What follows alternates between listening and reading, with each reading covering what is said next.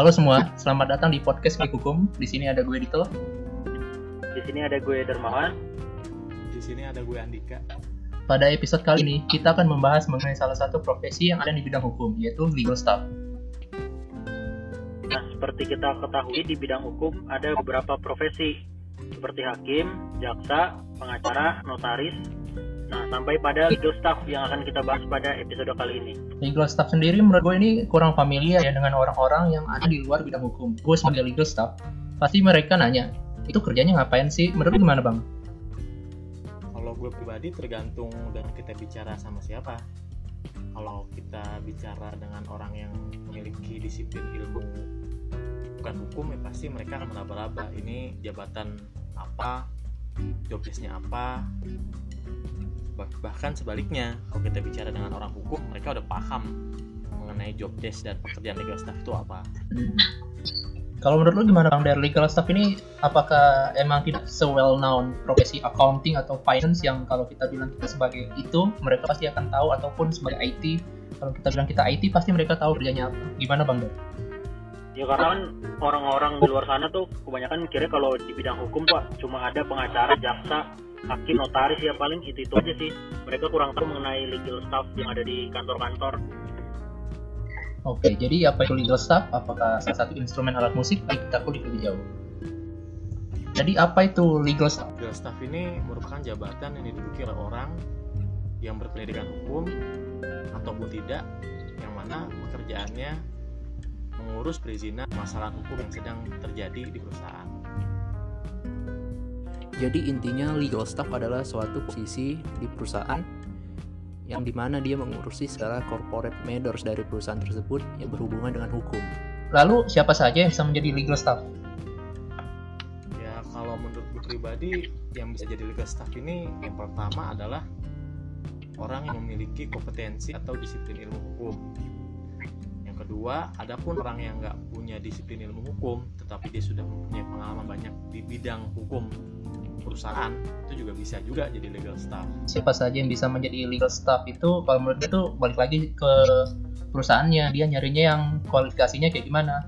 Soalnya untuk beberapa perusahaan ada yang nggak mewajibkan dari jurusan hukum tapi dia bisa menjadi legal staff. Lalu untuk jobdesknya bagaimana tuh?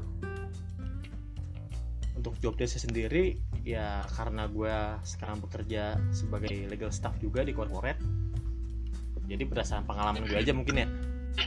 Kalau gue pribadi itu pertama memberikan atau membuat uji tugas hukum kedua gue membuat atau mereview perjanjian ketiga gue mengurus perizinan keempat gue mengurus pajak baik itu pajak daerah ataupun pajak pusat kelima gue tuh melakukan external relation dengan instansi pemerintahan ataupun swasta. Keenam gue juga ikut andil dalam mengurus industrial relation. Dan yang terakhir gue memberikan pendapat hukum atas permasalahan atas permasalahan yang sedang terjadi di perusahaan. Oke, kalau gue sih hampir sama ya, sama kayak bikin kontrak atau review kontrak, ngurus perizinan, berhubungan dengan notaris, hubungan dengan pembuatan akta, siapin dokumen buat rules, buat atau review sirkuler, buat yang nggak tahu apa itu sirkuler, sirkuler adalah suatu keputusan yang dibuat oleh pemegang saham di luar rapat umum pemegang saham atau RUS. Lalu yang terakhir itu mengurusi dokumen-dokumen hukum di perusahaan itu.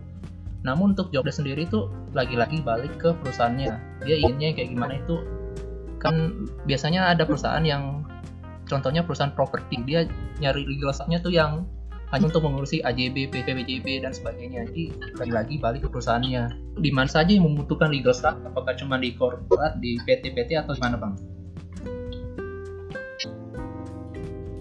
Ya, menurut gue pribadi di corporate legal staff dibutuhkan. Corporate kan jelas ya dia terang-terangan melakukan kegiatan usaha untuk menunjang bisnisnya dia, mencari keuntungan kurang lebih. Adapun juga di suatu badan hukum yang tujuannya nggak cari keuntungan seperti yayasan dia juga butuh legal staff kok. Jadi cuman di PT sama apa ya yayasan bang ya?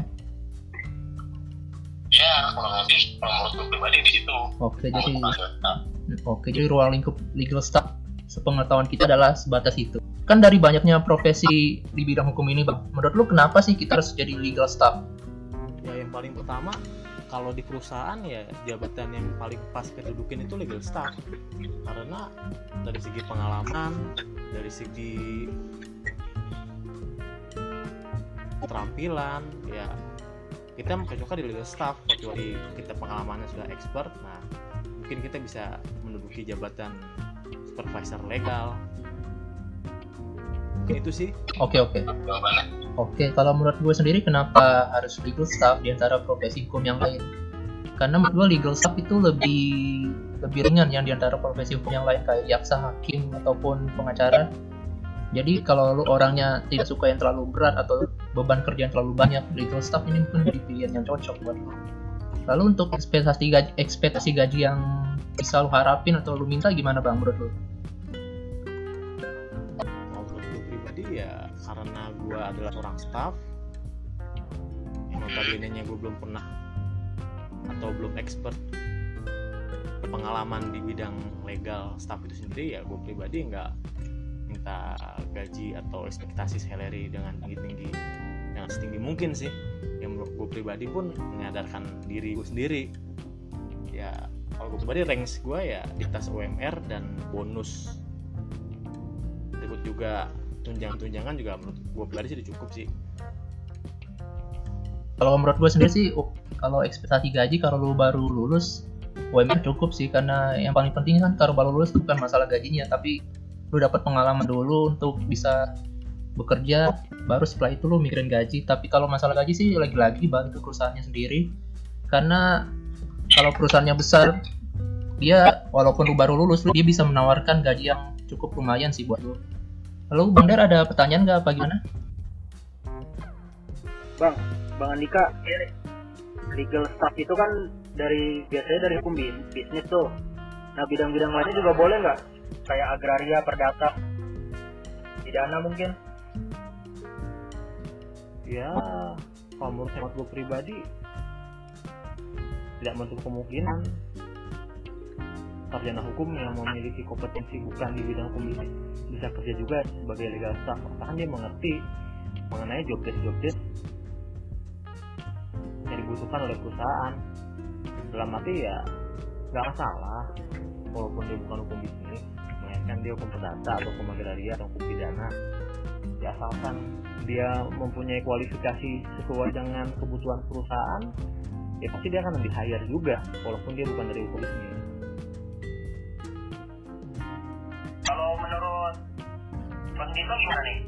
Kalau menurut gue emang rata-rata sih hukum bisnis paling banyak dibutuhin di perusahaan ya, tapi nggak menutup kemungkinan buat urusan dari hukum lain, misalnya pidana ataupun agraria untuk bisa bekerja sebagai legal staff. Karena kembali lagi bilang di sini semuanya balik lagi ke perusahaannya, seperti perusahaan pro- properti. Mereka biasanya lebih dari yang hukum agraria. Jadi ya balik lagi ke perusahaannya itu kualitas kualifikasi yang tadi apa atau perusahaannya bergerak bidang apa. Menurut gue gitu sih. Kan nih kalau gue mau ada pertanyaan lagi nih kalau misalnya kalau kita kul apa kuliah kan kita banyak tuh pelajarannya. Biasanya apa sih yang paling dipakai di legal staff itu yang kita pelajari di perkuliahan? Drafting kah atau apa? Kalau menurut gue pribadi di pekerjaan itu yang berkaitan dengan kuliah yang mata kuliah pertama mengenai hukum bisnis. Semua tentang hukum bisnis itu kepake Itu saling berkaitan kedua mengenai hukum pertanahan hukum agraria. Ketiga yang mengenai hukum pemerintahan. Ya keempat mungkin ada kaitannya dengan hukum pidana tapi itu bakal jarang banget sih. Iya iya. Kalau j- jenjang karirnya sebagai legal staff gimana tuh? Jadi kalau legal staff ini kan dia kan memberikan report kepada supervisor, supervisor legal juga. Supervisor ini kan dia cenderungnya di office terus dia bang memonitoring hasil pekerjaan legal staff. Tentu saja supervisor ini dia mempunyai experience yang sudah lama dan sudah pengalaman di bidang hukum.